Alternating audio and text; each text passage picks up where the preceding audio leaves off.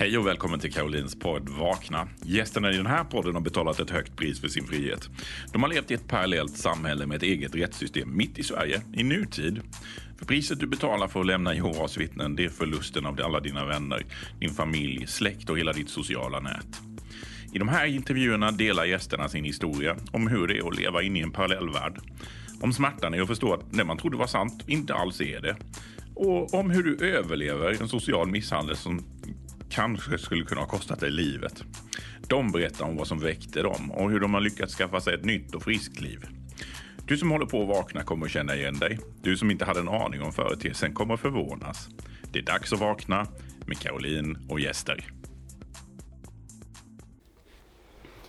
Hej och välkommen till ett nytt avsnitt av Vakna med Caroline och gäster. Idag har jag en syster från södra Sverige som har valt att eh, berätta om livet i Jehovas vittnen och livet som nyvaken i församlingen. Hon har inte lämnat än eh, och är därför anonym i mitt avsnitt här. Men det ska bli väldigt, väldigt roligt att eh, få ta del av din berättelse och vad som händer när man vaknar och hur känns det att vara kvar i församlingen när man inte tror på det längre. Välkommen hit! Tack så jättemycket! Vad roligt! Eh, nu är du ju anonym så jag kommer inte gå in på var i landet du bor eller vad ditt namn är men berätta så mycket du vill omkring dig själv så lyssnarna har en liten känsla av vem, vem det är jag har i stolen med mig. Ja, ja jag, jag skulle vilja beskriva mig själv som en väldigt lycklig och tacksam gift kvinna. Mm. Eh, jag har varit gift i 20 år. Eh, jag är också en väldigt tacksam och stolt mamma. Jag har två barn. De går fortfarande i grundskola. Mm. Eh, och det är väl lite, eh, det är väl det mitt liv kretsar kring. Mm. Min man och mina barn. Och att helt enkelt skapa en skön vardag tillsammans. Eh, så mycket tid som möjligt tillsammans. Ja. Kunna vara tillgänglig. Så det är mycket, mycket de här nära relationerna som, som eh, mitt liv kretsar kring. Mm. Eh, jag är eh, annars mycket intresserad av trädgård. Mm. Jag är också eh, utbildad eh, till biolog och jag eh, arbetar som lärare och även som danslärare. Mm. sen så är det så att som person så är det jätteviktigt för mig att ha väldigt, här är få, men meningsfulla och nära relationer. och jag är också en väldigt engagerad och driven personlighet när det är saker som jag tycker är viktiga så går jag in för det för fullt. Eh, sen har jag också ett bagage från min barndom. Jag har haft en väldigt, väldigt eh, fin uppväxt med kärleksfulla föräldrar. Men jag har ändå eh, ett bagage som gör att jag eh, eh har lätt för att bli rädd, att bli övergiven och också har liksom eh, lätt för att tänka att världen är en farlig plats. Ja, och då är det ju perfekt med Jehovas vittnen. Jo, det, De kommer att stärka dig i den känslan. mycket, mycket farligt. Ja, ja det har jag ju insett nu att, ja. att det är tyvärr så det är ja. Mm. ja. Mm. Jaha, men eh, vad roligt att, eh, att få lära känna dig lite bättre. Men du har inte, du har haft en väldigt fin uppväxt berättade du med mamma och pappa. Men som jag förstår det så var de inte Jehovas vittnen. Nej, de Nej. var inte Jehovas vittnen. Hur kom du i kontakt med, med Jehovas vittnen? Mm, det är så här att ehm, eh, egentligen första gången jag kom, jag kom i kontakt med vittnena, det var när vi som familj flyttade till Sverige och bodde på en flyktingförläggning och eh, bodde tillsammans med min farbror som egentligen var den här som gärna ville ja, prata om existentiella frågor och mycket intresserad av av eh, profetior och sånt. Och det var egentligen han då som, som bjöd in Jehovas vittnen när de väl knackade på vår dörr. Mm. Eh, sen så fick ändå mina föräldrar också ett bibelstudium. De tänkte att det kan vara kanske bra att ha kontakt med religiösa människor som kan hjälpa oss att stanna i Sverige. Eh, och jag eh, fick också den här boken, min bok med bibliska berättelser. Mm. Och, och jag, jag, tyckte att det var, det var snälla människor. Mm. Eh, men sen flyttade vi men eh, faktiskt så hamnade jag i samma, i samma klass med två andra Jehovas vittnen. Och jag kände att de var annorlunda. Jag tyckte att de var mer snälla, eh, mindre fördomsfulla mot mig då. Så jag fick ett väldigt gott intryck av dem. Men sen mm. flyttade vi igen. Ja. Och, och då var det egentligen inte förrän jag gick på högstadiet, kanske i åttonde klass, som det kom ett Jehovas vittne mm. till vår dörr. och det var en äldre syster som hade varit i resetjänsten hela sitt liv. Och det var hon som då så att säga, återkom. Och eh, jag blev ett, eh, ett återbesök till henne. Lite och då gick du i, hur gammal var du? Du bodde hemma fortfarande? Ja, jag bodde hemma och jag kanske gick i åttan vid ja. första kontakten. Och, och min syster var också lite intresserad. Vi hade så, vi hade så goda minnen av Jehovas vittnen, ja. eh, både hon och jag. Så vi, och vi, vi var intresserade, vi hade mycket frågor. Jag hade väldigt mycket frågor. Eh, min eh, biologiska mamma dog när jag var eh, jätteliten. Så mycket frågor kring det, om man kan få träffa henne igen. Jag var väldigt rädd för världssituationen och hade mycket frågor kring det. Så, så paradiset var någonting som såklart var väldigt tilltalande. Var inte din, din pappa och han, han hade en ny fru. Ja. ja. Mm. Var inte de oroliga för en sån ung flicka har så mycket kontakt med Jehovas vittnen, men de, eller de hade inte det här Nej, flaggan faktiskt, uppe? Nej, faktiskt inte för de hade också fått gott intryck av vittnena. Det var, ja. det var ett väldigt snällt par, som, eller familj, som, som de hade fått kontakt med då när vi bodde på den här flyktingförläggningen. Så även om de inte var intresserade så var de inte oroliga Nej. alls. Nej. Eh, och det var liksom inte tal om att jag skulle gå med eh, heller på något sätt. Eh, för det här, eh, ja, den här systern hon fortsatte att komma tillbaka och det var ju väldigt sällan jag var hemma så det var, det var inte liksom varje vecka. Och sen när jag eh, gick ut gymnasiet då flyttade jag från staden där jag bodde för att jag började en högre utbildning. Och, eh, och då var jag bara hemma på helgerna. Så då var det ännu mer sällan som hon ja. egentligen fick ta på mig. Men, men hon fortsatte, hon gav ju inte upp. Nej, det är klart. Men, men hur, hur gick det då? För nu sitter du här och du är döpt och har varit döpt i många år. Så hur, vem tog vid då? med din kontakt med Jehovas vittnen? Ja, det var faktiskt så att, att eh, även om jag hade flyttat då till en annan stad så bodde jag där bara under veckorna men kom hem på alla helger, alla lov, så sommarlov också. Så, så det var den här äldre systern till slut som, som då, jag hade läst tre år då eh, på min utbildning och eh, på sommaren där så, så träffade vi på varandra och hon frågade om jag ville ha ett bibelstudium och jag tackade ja. Och jag vet inte egentligen vad som hände där men jag tror att jag hade kommit i en fas i mitt liv där jag kände att någonting fattades. Eh, jag var ju i en relation redan. Eh, jag var sambo med en kille och egentligen så hade vi det ganska bra men det var någonting som fattades. Och jag, och jag hade också märkt att när jag då ibland tog fram vakttornet och läste, att det ändå på något sätt lugnade mig och påverkade mig positivt. Mm. Så jag tänkte, nej men jag, jag vill faktiskt uh, studera Bibeln på riktigt. Så vi började varje vecka. Och sen när uh, hösten kom och jag började min utbildning igen, det var sista året jag skulle gå, ja då så blev det så att under veckodagarna när jag var borta, då så var det en annan syster som studerade med mig. Och när jag kom hem på helgerna eh, till mina föräldrar, då var det den här äldre systern som gjorde det. Så det var liksom två gånger i veckan. Och i samband med det så började jag gå på mötena. Och i samband med det så kände jag faktiskt, eh, eh, ja, så som man brukar säga, att Jehova började dra sig till mig även om, ja, då, då tänkte ja. jag ju så, jag kände det verkligen. Du fick en egen relation Jag fick en egen relation och jag, och jag, och jag jag tror att det som också verkligen tilltalade mig, det var ju att se de här människorna på Rikets sal som jag upplevde verkade så lyckliga. Vackert klädda, väluppfostrade barn. Eh, jag hade inte heller riktigt känt att jag kommit in i det svenska samhället. Eh, och där så, ja, det var ju mycket undervisning om att alla är lika mycket värda, kvitta mm. vilken nationalitet man kommer ifrån. Och, och, och, det blir ju så när man kommer som intresserad så får man väldigt mycket uppmärksamhet. Ja. Eh, Man blir lovebombad. Ja, och det, ja precis. Och, det, och det, det var kanske egentligen det jag också hade längtat efter. Att, att tillhöra någonstans där jag får mycket kärlek. Ja, så, så och vem all... vill inte det? Nej, nej precis. Så, så, jag, så jag tolkade ju den här uppmärksamheten som, som kärlek. Och då i kombination med att man har sett de här filmerna som då fanns på den tiden som kallas för enhet, som handlar om sammankomsterna, internationella sammankomster och all den kärlek som visas där. Och, och, även de här andra filmerna som fanns på den tiden, hur Bibeln påverkar människors liv till det bättre och hur man kan få sanna vänner. Alltså alla de påverkade mig verkligen väldigt mycket. För det handlar väldigt mycket om att tillhöra någonstans mm. och få mycket kärlek, få sanna vänner, få, san, få sann kärlek. Så det i kombination med att jag verkligen blev väldigt varmt bemött på Rikets sal, så tänkte jag att wow, det här är nog ändå sanningen. Jag har nog Vad sa din pojkvän till det?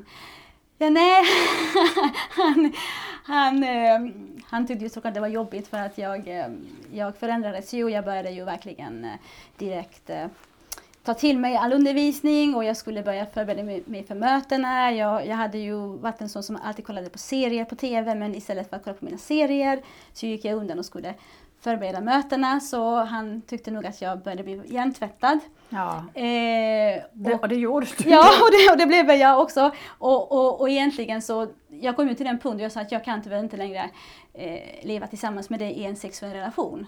För det går emot mitt samvete. Och då kände han, ja men han hade kanske egentligen tänkt fria till mig så småningom men så här ville han inte göra det. Så det blev att vi gjorde slut. Och, eh, och då så hade jag kvar ett halvår på min utbildning. Jag hade kvar mitt examensarbete. Eh, men jag valde då att, eh, att flytta tillbaka till den staden som jag kommer ifrån och så pendlade jag då till, till min utbildning. Och, och, då, och, det gjorde ju då också att jag kunde komma in i en församling. Ja och fokusera på att gå till en rikets sal. Mm. Och, och tyckte att jag fick ja, väldigt mycket positiv uppmärksamhet där. Hur, ja. mycket, hur gammal var du när du döpte dig? Jag döpte mig, ska vi se, då var jag, då var jag nästan 22. Jag skulle fylla 22 i princip. Och vad sa dina föräldrar och din syster till det? För de hade ju bjudit in dem men hade räknat med att det blir ingenting, men nu blev det någonting. Ja, ja precis. Ja, nej, men då, jag tror de hade lite blandade känslor. Vi, eh, alltså, vi har ju vi har en väldigt nära kontakt i familjen. Eh, de var nog, eh, de var nog lite oroliga på ett sätt för de tyckte att jag blev väldigt överdriven. Plötsligt så började jag klä mig jättetantigt och, och så skulle jag då sluta fira alla dessa högtider.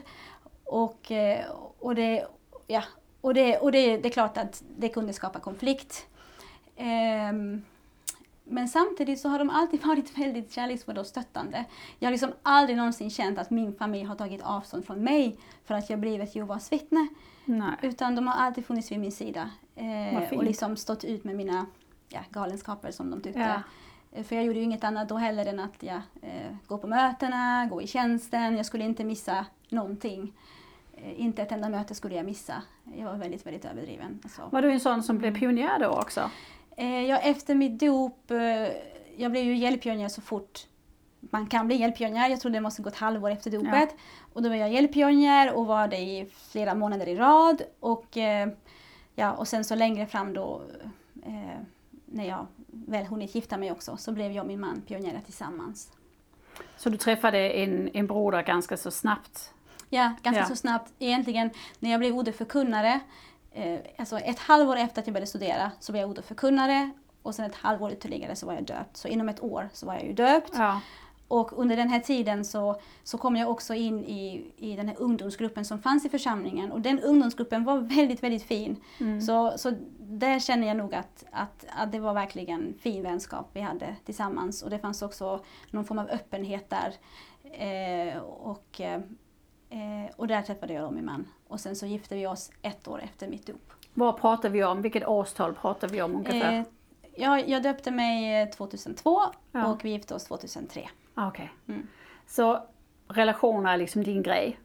Ja, det är min grej. Och sammanhang, ja. det är din grej. Ja. Och det kan ju Jehovas vittnen verkligen erbjuda. Och man mm. kan säga mm. I mångt och mycket så, så kan ju det fylla en viktig funktion i en del av ens liv att mm. få detta här. Du var mm. ung vuxen och skulle rot, äh, liksom hitta dina rötter. Då är det viktigt med det här tryggheten som du har haft behov för. Ja, så ja. hur så är, är karriär ut då? då? Då började ni som pionjärer tillsammans, du och din man? precis. Så, så vi började som, vi hade hunnit vara gifta något år och sen så blev vi pionjärer. Och då var vi pionjärer i ungefär tre år. Mm. Men efter det så, eh, så insåg vi att vi ville skaffa barn. Så då så Mm. Så då så slutade vi, men jag hade kvar pionjärandan. Ja. och jag var ju hjälppionjär jättemycket och fortfarande så kretsade mycket kring tjänsten då. Och som jag när jag fick barn. Även om jag, eh, när barnen var ett år, min första var ett år gammal, slutade som pionjär, men jag var ju nästan, jag var hjälppionjär i alla kampanjer och allting. Varför var du det? Tyckte du om tjänsten? Eh, alltså, jag vet inte, jag, jag är väl den typen som går all in när det är någonting som jag verkligen tror på och är övertygad om är viktigt. Så att eh, jag var ju, jag var ju såklart jag var ju nervös när jag gick i tjänsten. Jag kan en, ja, nu går inte jag tjänsten längre men, men eh, även liksom efter 20 år så har jag kunnat vara nervös vid dörrarna. Men, eh, men eftersom jag har sett det som ett väldigt viktigt arbete, vi ska rädda liv, det är verkligen liv och död det handlar om, så har jag ju ändå gjort det. Mm. Och eh, ja, eh, det, var- alltså det, det, det var ju så du vet också när det var så här kampanjer, man skulle få ut inbjudningar. Och så eh, hann inte vännerna få ut alla inbjudningarna. Ja men då gick jag till Rikets sal eh, och så tog jag de som var kvar och sen så gick jag bara och gjorde slut på varenda en. Så Som lite- jag. Ja, så, så, så, så, Det har jag gjort flera gånger också. Nej minsann, det måste ut. Ja, alltså det, Ja. Det, det kan ju tyckas väldigt överdrivet och, Ja. och det är ju det också. Så. Men, Ja. men det, är liksom, det är lite den typen jag är. På andra, andra sidan så blir det också väldigt meningsfullt när man är en del av någonting för man gör det ärligt och hela sitt hjärta. Det är ju ingen sån där dubbelliv eller utan det här det tycker jag om och det vill jag göra. Ja, Så det ja. känns ju 100% i hela kroppen. Ja. Det, det är rätt så roligt för att eh, vi, vi gjorde en, en slags personlighetstest, eh, min man och jag lite för skojs skull också. Och, och där så den personlighetstypen jag fick det översätts med pionjär till svenska. Eller Okej. förkämpe. Så det är lite roligt liksom, Ja, ja. Att, att jag fick ju den eh, personlighetstypen Ja, också. Ja. Mm. Men eh, så du träffade ditt livs kärlek i församlingen. ja, det gjorde jag. Och det kan ju nästan vara värt allting. Ja, ja faktiskt. För ni är fortfarande ihop och ni är fortfarande väldigt lyckliga. Ja, ja, vi har det väldigt bra tillsammans. Hur många år Ja. har ni varit gifta? Eh, vi ska fira vår eh, 20-åriga bröllopsdag alldeles strax. Ja. Mm. Mm. Och ni är ju eh, verkligen starka tillsammans. Mm. Men för att gå tillbaka till ni gifte, ni var pionjärer, ni ville skaffa barn. Hur, eh, hur, liksom, hur gick förloppet? För sen, sen nu är du ju inte så troende längre och jag vet att din man också har liksom fått upp rullgardinerna. Vad var det som hände? Ja, eh, ja, det som hände är väl egentligen att ehm, eh, för ungefär eh, 17 år sedan, ja då, hade, då, då hann vi vara gifta i ungefär tre år, tre, fyra år, så, så blev min mans eh, bror utesluten, eller han lämnade. Eh, och eh, eh, trots att han lämnade så fortsatte ändå min mans familj att umgås med honom. Eh, de påstod förvisso att det, var, att det var begränsat umgänge men, men jag tyckte inte att de följde anvisningarna. Och eftersom jag var väldigt så här bokstavstrogen så ja, och, och, och hade kanske inte, ja, ja, ja, jag tänkte inte så, så mycket på djupet på, på vad uteslutningsanordningen innebär och, och, och, och vad det kan orsaka för, för lidande hos människor utan jag var liksom bara, ja men så här står det i vakttornet och då ska man göra så. Liksom. Jag litade ju fullständigt på organisationen då som hade ett, fört mig till sanningen och gett mitt liv mening och, och hjälpt mig att lära känna Jehova. Så jag var ju kritisk egentligen till Mm. att, eh, att min man och även hans familj fortsatte att ha kontakt med min svåger. Jag måste bara säga att din mans familj är väldigt aktiva, eller hur? Det är inte sådana som är i periferin som är, kör lite sitt eget race, utan de är i fronten av församlingen. Mycket, mycket, Ja. mycket och föredömliga. ändå så umgicks de. Ja, ja, Och det är klart, det är förvirrande budskap för dig. ja. Men liksom, hallå, vad... Mm, mm, ja. Men, men, men, men just som du säger, eftersom de var mycket framstående så har jag liksom ändå tänkt att men okej, jaha, okej, men ja, då kanske man får ändå. Men jag tyckte ändå liksom att, inte att jag fick ihop det med det som stod i vakttornet och på sammankomsterna. Mm. Man skulle ju ha nolltolerans, var det ju sagt en period Mm, från podiet. Så, så, så, det, så, det, så det gjorde ju då att, att jag ifrågasatte min man och vi har alltid varit väldigt öppna mot varandra och pratat om allt och babblat hur länge som helst om saker och ting. Så, så det var liksom ett, ett återkommande eh, tema. Men, eh, men egentligen så, så hände inte så mycket med mig där förrän då egentligen då för uh, ungefär tio år sedan. Då hade vi flyttat till hus och vi var verkligen i behov av hjälp att kunna renovera. Och uh, vi var faktiskt inte, alltså vi kände ändå inte att vi hade sån relation till församlingsmedlemmarna att vi kunde be om hjälp från någon av dem där. Utan vi kände att vi, vi behöver be om hjälp från familjen och det var då min svåger som var den som kunde ställa upp. Så, så min man eh, bad honom om hjälp och jag var egentligen också väldigt glad för att han skulle ställa upp. Men någonstans kände jag att ja, men, ja, men jag måste liksom ändå testa, vad, vad, vad händer om jag berättar nu om att han ska komma till oss och renovera? Liksom? Jag, jag hoppades någonstans att, att, att min man skulle liksom få någon slags tillrättavisning så att han liksom insåg att han ska följa vakttornet. Eh, så jag berättade för en eh, väldigt god väninna och hon i sin tur sa till mig direkt att ja, men det här måste jag berätta för min man. Och hennes man var ju äldste broder. Så att det här ledde då till att eh, vi fick hederbesök.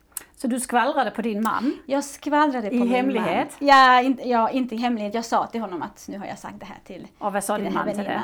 Nej men han, han, han tycker det går jättebra, berätta det vad du vill. Han, han, är, han är inte speciellt känslig. Så Nej. nej, det är han ju inte. Var han, var, var han djupt troende på den tidpunkten eller hade han själv lite funderingar och var det därför att han sa nej men det är klart min bror ska hjälpa mig? Alltså, han var faktiskt eh, förordnad som eh, församlingstjänare. Mm. Och, och det har han varit sedan han var typ 19 eller 20 år, så han var vä- väldigt tidig. Och, eh, och eh, han var liksom ändå, han var, han var en aktiv broder, en, väldigt uppskattad broder. Han, han eh, blev utskickad på föredrag fastän han var då som sagt eh, inte äldste. Och, och eh, Men hur var det på insidan av? Ja, ja men, men, men på insidan så tyckte jag liksom att han var väldigt så här, vad ska man säga, lite för liberal tyckte jag. Ja. Så va? Han, jag, jag kunde inte riktigt begripa hans andlighet för den, den var liksom inte alls så där eh, som jag. jag var liksom, Fyrkantig.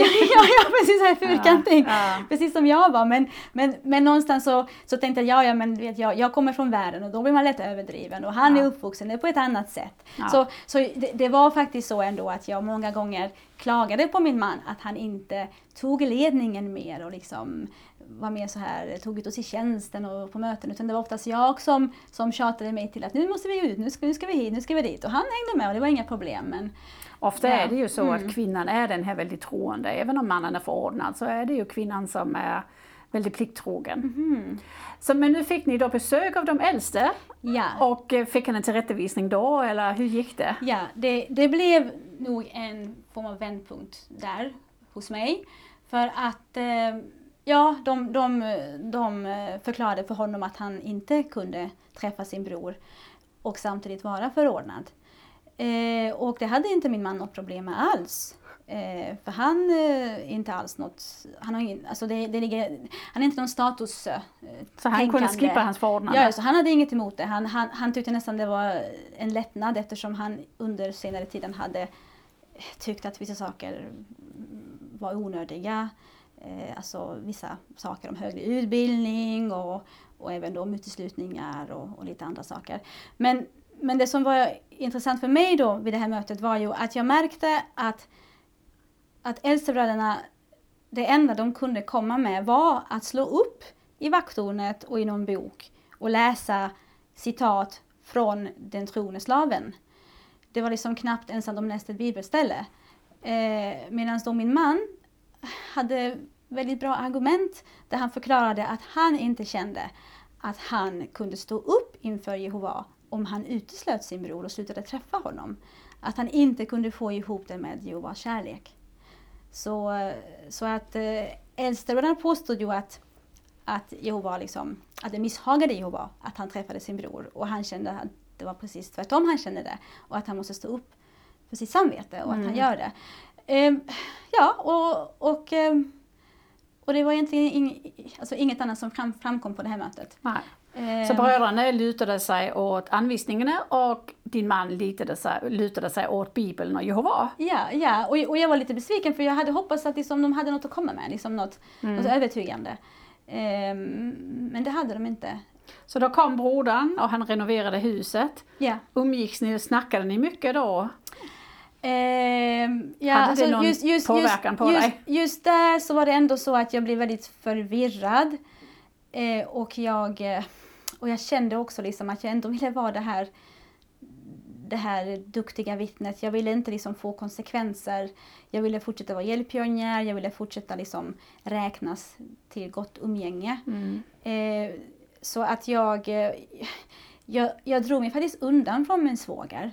Mm. Eh, vilket ju, ja, jag skäms ju för det nu, jag menar jag tog emot hans hjälp men ändå liksom drog mig undan och tänkte att ja, ja men det är min man som träffar honom och jag är här som, vecka. alltså jag liksom, jag, jag var inte alls eh, kontaktsökande.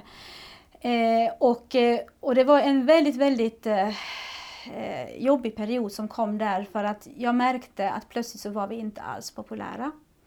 jag märkte att det fanns eh, speciellt en broder. Jag tyckte det var så uppenbart att varenda gång han hade ett tal så, så lyckades han på något sätt få in det på att man ska akta sig för dåligt umgänge även i församlingen.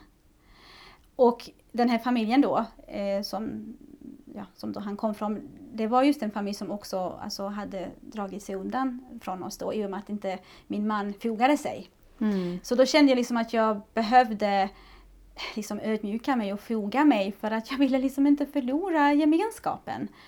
Ehm, och eh, ja, så, så, så jag liksom skyllde på min man och tänkte att ja, men det är han som, som, som har Mm. den uppfattningen. Mm. Och visst, jag, jag kanske inte förstår att det ska vara så här med uteslutningsanordningen men, men jag är ödmjuk och jag fogar mig. För jag ville fortsätta vara mm, alltså mer i, i, I man kan mitten av säga församlingen. Ja. Ja, ja. Mm. återigen gemenskapen Gemenskapen. är din precis. grej. Ja, Men du har också en man du älskar så Mm, mm, du blev mm. lite klämd där. Ja, det blev jag. Så det var kanske början på någonting som, som hände. Mm, mm. Vad var nästa stora grej som hände som drog dig framåt? Eh, ja, nästa stora grej som drog mig framåt ska vi se. Ehm, ja, jag kan ju bara nämna att jag... ehm, jo, det var... Det var en, en, en period där som följde då, då jag ändå som försökte att förstå min man. Jag ville inte att det här skulle komma mellan oss. Men, eh, men det blev ju så att, att även om vi gick på mötena och vi var igång tillsammans som familj så var det ändå så att, att eh, det var ännu mer tydligt att min man inte drog. Ehm, och han var också ganska många gånger negativ efter mötena och liksom kritiserade talen och si och så. Och, eh, och det kom till en punkt där jag kände som att nej men jag orkar inte höra det här negativa längre. Och det, och det tror jag kanske berodde på att jag någonstans innerst inne också kände att han hade rätt. Men jag, liksom, jag ville bli uppmuntrad istället. Ja, ja. Och, och då så säger jag nej, alltså jag, jag, jag vill inte att du pratar mer med mig om de här negativa sakerna som har med mötena att göra och vännerna och undervisningen. Utan, utan håll det för dig själv. Och han sa okej, då gör jag det. Men eh, det gick inte lång tid förrän jag märkte att det här är ju, det här är ju inte bra för, för vår relation. Alltså att, att inte kunna prata öppet om vad som helst. Nej. Så jag är väldigt tacksam för att jag kom till den insikten väldigt snabbt. Och jag sa sen till honom att vet du vad, jag vill höra alla dina tankar, även de, om de är negativa. Och jag ska försöka att inte värdera dem, utan jag ska försöka att verkligen bara lyssna. För jag vill verkligen förstå hur du tänker. Vad fint. Ja, så det, det var en vändpunkt kanske också för vår relation. För jag, jag hade ganska mycket ändå taggarna ute eh, till dess. eh, Och var liksom mer kritisk. Varför har du inte familjestudium regelbundet och allt det där. Men nu så, så liksom, eh, ja, taggarna försvann så att säga. Mm. Och, och det gjorde också då att vi kunde ha mer förtroliga samtal. Och han kunde berätta mer om hur han tänker om saker och ting och Gud och andlighet och religion och sådär. Va? Eh, och, och, vi, och vi drog också närmare varandra. Men fortfarande så var det ju så att, eh, att eh, Ja, det, det glömde jag faktiskt berätta. Det var också en ganska viktig sak att efter det här då besöket eh, med äldstebröder och efter då att min man blev avsatt så kände jag att jag eh, Alltså jag insåg ju att okej, nu är det någonting här som inte passar in i det här fantastiska pusslet som jag har lagt när jag studerade. Jag, jag, det, var, det var någonting som störde här för uteslutningsanordningen. Jag, jag kände också som att jag skulle verkligen vara så. Ska man verkligen sluta träffa sina barn om de är uteslutna? Så då hade jag ett... Jag, jag bad väldigt, väldigt innerligt till Jehova och liksom bad om att, liksom, att, han ska, att jag ska vara jätteödmjuk. Det är klart att jag vill att svaret ska vara att du inte håller med om uteslutningsanordningen. Men om du håller med så visa mig verkligen, jag ska vara jätteöppen. Mm. Och från och med då, så varenda gång det var på mötet eller sammankomster så jag bara Okej Jova, jag är öppen, kom igen, ge mig argument, ge mig argument för att du stöttar uteslutningsanordningen.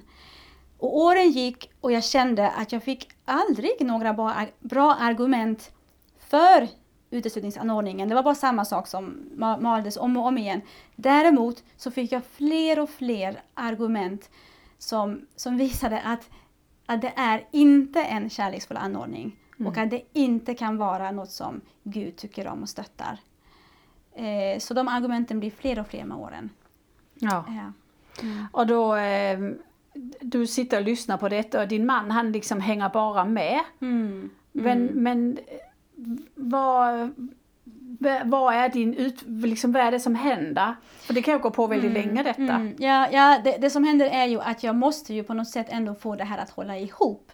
För jag tror att någonstans omedvetet så förstod jag ju att om jag inte kan få pusslet att hålla ihop så kommer ju hela min tro att rasera och hela mitt liv bygger på det. Hela min, hela min trygghet och alla Mm. dessa människor runt omkring mig och jag har liksom mina barn i detta också. Och alla deras vänner. Så att jag eh, tänkte att okej, men ja, jag sa också till barnen väldigt öppet att jag tror inte heller på uteslutningsanordningen. Vi skulle ju aldrig någonsin lämna er vad ni än gör. Vi kommer alltid älska er. Eh, men jag tror ändå att den här organisationen är den bästa som finns på jorden. Den är ofullkomlig.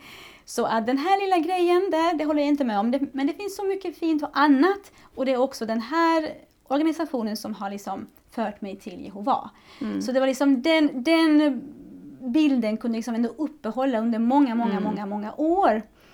Ehm, ja, det kunde jag faktiskt. Ehm, Ända fram till. ända fram till egentligen i höstas.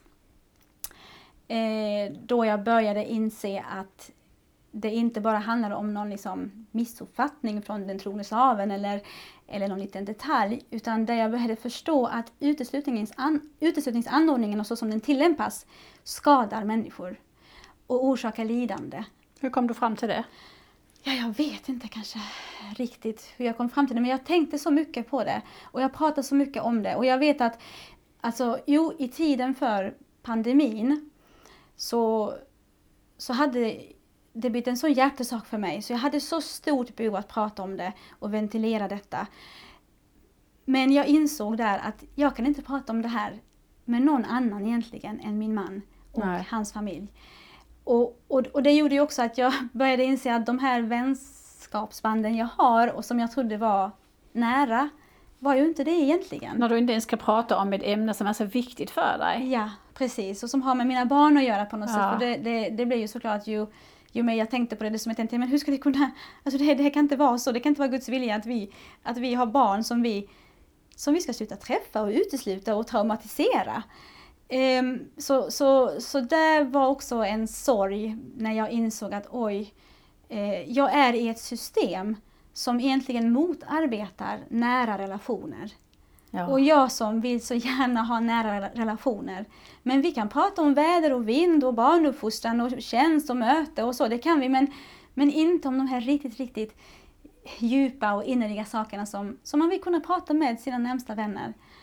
Eh, och och, och, det, och det, det var nog också något som bidrog till mitt uppvaknande. Och också då samtidigt också eh, det här då. Så var det faktiskt eh, något som hände i församlingen. Det var en familj som vi har känt i alla år. Som också har tillhört den här, den här ungdomsgruppen eh, när min man och jag träffades. Och, och, och där blev det liksom en, en jättestor kris i den familjen. Eh, mannen, han var förordnad eh, som äldste broder, han var det i många år. Och eh, plötsligt så, eh, så blev han avsatt och han blev märkt.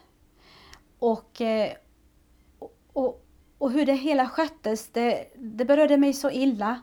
För att jag, ju, jag förstod ju att den här mannen hade hamnat i en andlig kris och också en personlig kris. Och jag kunde se att, att det han hade behövt det var ju, det var ju kärlek Mm. och stöd. Och jag menar hans fru och hans barn blev ju också drabbade för att när han blev märkt så, så var ju inte han längre medbjuden på olika eh, arrangemang som de var medbjudna till. Nej. Eh, Så, så det var liksom inte bara han som kände att oj nu blir jag helt utesluten här fast jag är inte utesluten utan även familjen kände det. Och, och, och sen tyvärr så, eh, ja i alla fall så, så blev det så att, eh, att han sa ju själv att han insåg att, eh, att vi har ju inte vänner utan vi har ju massa bekanta. Mm. Det insåg han. Och han insåg också att, eh, att kärleken inbördes, det tyckte inte han gällde. För han hade ju då tagit mod till sig och faktiskt berättat om sina tvivel för sina äldste kompisar. Eh, men det blev bara liksom helt upp och ner. Och då blev han Eh, märkt och då istället. blev han märkt istället och, eh, och det påverkade honom och även hans familj väldigt negativt. Och eh, jag tror faktiskt att vi var de enda i församlingen som ändå fortsatte att ha kontakt. Eh, det var till och med så att, att vi hade mer kontakt än vad vi hade med dem innan. Just för att stötta upp.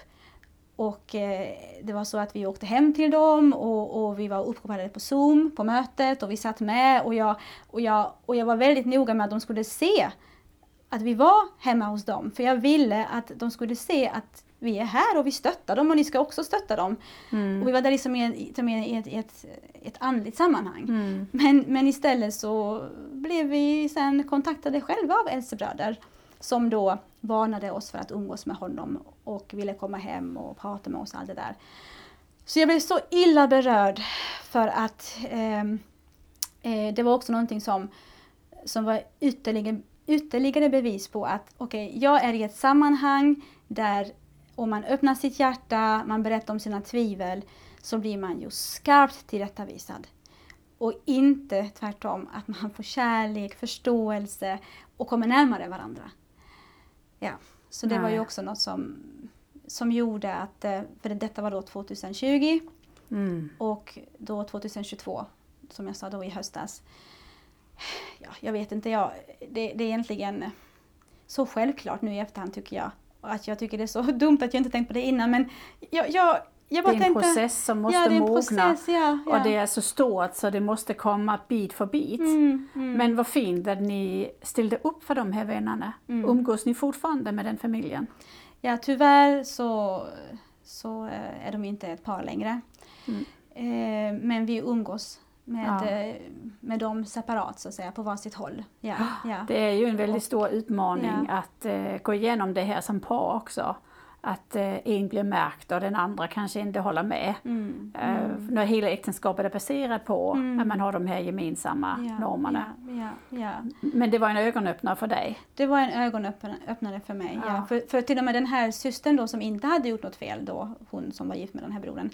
Till och med, till och med vissa av av systrarna eh, jag pausade sin relation till henne.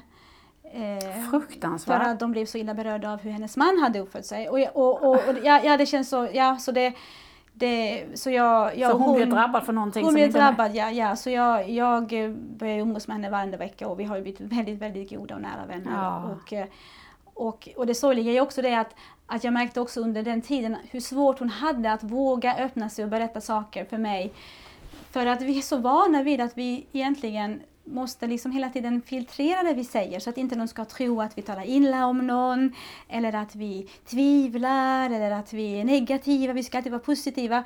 Så jag fick hela tiden bekräfta, det är ingen fara, berätta du. Det är liksom, du behöver inte ha dåligt samvete för att du har berättat någonting. Nej. Men, men jag märker att, att det är ju också någonting, det, det är väldigt vanligt hos många vittnen att man ursäktar sig så fort man berättar om något innerligt för man är så orolig för att det ska bli missförstått. Och man är så orolig för att bli dömd och ja. utfryst ur gruppen. Ja, precis. Men det är intressant för att egentligen som Jehovas vittne så lär du ju aldrig vad, hur man är en vän. Mm. Det, det, har jag tänkt på nu när inte jag är vittne längre som 48-åring och ska ut och skaffa vänner. Men hur gör jag det? Hur, hur blir jag vän med någon som har andra åsikter än mig? Hur, hur samtalar jag med en som som tycker någonting helt annorlunda och fortfarande kan jag tycka om dem som vän och jag kan säga hur jag tycker och jag vet att de tycker annorlunda. Det är någonting man inte lär sig som ett Jehovas vittne för du har hela tiden det här, den här fasaden. Lite mm. som att växa upp i Nordkorea. Att man inte kan ja, berätta kanske. och det är det här angiveri mm. innan man mm. släpper det. Mm. Har du berättat för din väninna hur du ser på organisationen? Ja, jag eh, berättade för min väninna eh, hur jag ser på detta idag. Eh, ganska, ganska detaljerat. Eh, och, eh, och jag har blivit så glatt överraskad för att hon vill ändå ha kontakt med mm. mig. I dagsläget är jag overksam. Mm. Men hon vill jättegärna ha kontakt med både mig och min man. Och hon är inte alls dömande. Och, och, och någonstans tror jag också att det här krisen som hon har fått gå igenom, både med då att att hennes man, allt som hände med hennes man och med dem och sen så tyvärr att äktenskapet kraschade. Det, det, det tror jag också har format henne. Mm. Men också att jag ställde upp för henne. Eh, och, och att hon förstår att... Jag, jag, jag tror också att hon har liksom... Eh, omvärderat vad sann vänskap egentligen är. Ja, Eh, så att jag är, eh, jag är jättetacksam och jag hoppas att vi kan behålla kontakten. Det kan ni säkert ja, göra. Ja, ja. Mm. Hur, när, du sa nu precis att du går inte på möten längre. Mm, mm. När slutade du gå på möten? Jag slutade gå på möten eh, under mars månad mm. I år? i år. Mm. Det är väldigt nytt. Det är väldigt nytt. Hur har det tagits emot i församlingen? Ehm, ja, alltså i början så var det så att eh, det är ju det var, det, var, det var ganska sporadiskt redan innan mars. Det var också lite sjukdomar och sånt i vägen och så. Men så, så redan sen januari, februari så har jag fått ganska mycket så här sms och meddelanden av systrar som undrar hur man mår och, och vad, man, vad man har varit. Och det är säkert, det är säkert ren omtanke bakom. Så, men, men då har jag kanske inte heller riktigt vågat säga att nej, men jag vill inte gå på möten mer. Nej. Utan man har liksom haft bortförklaringar. Mm. Men, eh, men från och med då eh, april har jag varit öppen, och, eh, eller om det kanske är maj, och faktiskt berättat att jag går inte på möten längre. Till de som då har ändå stått, som jag har haft någon relation till. Att jag inte går på möten längre och att jag inte går i tjänsten längre. Och, När slutade eh, du gå i tjänsten? Eh, sista gången jag gick det var i mars och då gick jag egentligen för att mina barn ville gå ut i tjänsten. Ja. Så jag gick egentligen för deras skull men jag sa redan då att jag kommer inte fixa att ta en dörr själva utan då får ni ta dörrarna själva. Ja. Eh, men så blev det ändå så att vi råkade hamna med någon annan, som, någon annan så att säga, förkunnare, vuxen. Så, så jag skulle liksom ändå gå iväg och ta ett hus själv och jag låtsades att jag tog huset. Men jag tog aldrig huset. För Aha. jag kände jag kan inte gå och ringa på längre. Och, och, då, och då kände jag så att jag, alltså jag, jag, jag kan inte gå i tjänsten mer. Jag kan inte ta med mina barn i tjänsten mer. Jag kan inte. För du tror inte på det? För jag, det är en för, lögn. jag, för jag kan inte stå vid dörren och, och låtsas, eh, ja precis, eller, eller representera den här organisationen. Jag kan Så inte. ni höll ut under hela pandemin, gick på möten med barnen under hela pandemin, gjorde brevtjänst Ja. och vad man gjorde under pandemin. Ja. Eh, var det så att det blev också, liksom var det en ögonöppnare när ni sen började träffas igen och gå i tjänsten från dörr till dörr? Var det någonting som puttade fram det eller Nej. det var bara jätteskönt att börja gå från dörr till dörr igen? Nej, alltså jag, jag känner kanske inte att just liksom pandemin och liksom saker kring det har påverkat mig så mycket. Nej. Det känner jag nog inte. Ehm, men ehm, eh, ja, egentligen Ja, min man hade ju egentligen slutat gå i tjänsten under pandemin för han tyckte ju att ja, men, ja, det är jättetråkigt att skriva brev. Så då var jag ju själv med barnen redan i tjänsten. Eh, och sen så när vi skulle gå, börja gå från dörr till dörr så sa han att jag kan inte gå från dörr till dörr mer. Mm. Eh, för jag kan inte, vad ska jag göra om de frågar mig om uteslutningsanordningen? Och, och, det, och det är klart att det är klart att det kanske ändå påverkade mig för jag blev ju väldigt ledsen. Jag tänkte jaha nu ska jag gå själv där i tjänsten med mina två barn. Som en ensam, ensamstående så här, i sanningen Mm. och så. Men ehm, ja, det, Hur har barnen tagit det här? För att Mm. eh, du har en som är tonåring och en som är lite yngre va? ja, ja. eh, och ja. den ena är förkunnare, den andra är inte förkunnare. Ja, ja, den ena blev, den äldre blev förkunnare för ett år sedan. Ja. Och egentligen då var jag redan på något sätt inte så andligt stark längre.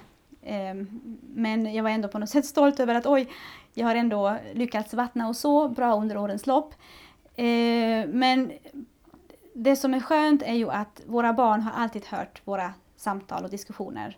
Vi har pratat väldigt öppet och jag har, jag har liksom varje gång jag har hört någonting från mötet eller haft någon tanke så har jag liksom testat det mot min man. Liksom, kan han säga liksom, liksom, kan, kan jag säga någonting ändå som, som på något sätt bevisar att, att man ändå ska foga sig med uteslutningsanordningen? Och de, de har liksom sett liksom, Mm. våra, diskussioner och följt med. Eh, och, och, eh, och därför så har de på något sätt varit, varit med på vår resa. Ehm, Vad känner de? För de har ju säkert kompisar i församlingen och som man ju har som Jehovas vittnen, ni som har varit så aktiva. Hur, hur känner de nu? Ja, de känner ju...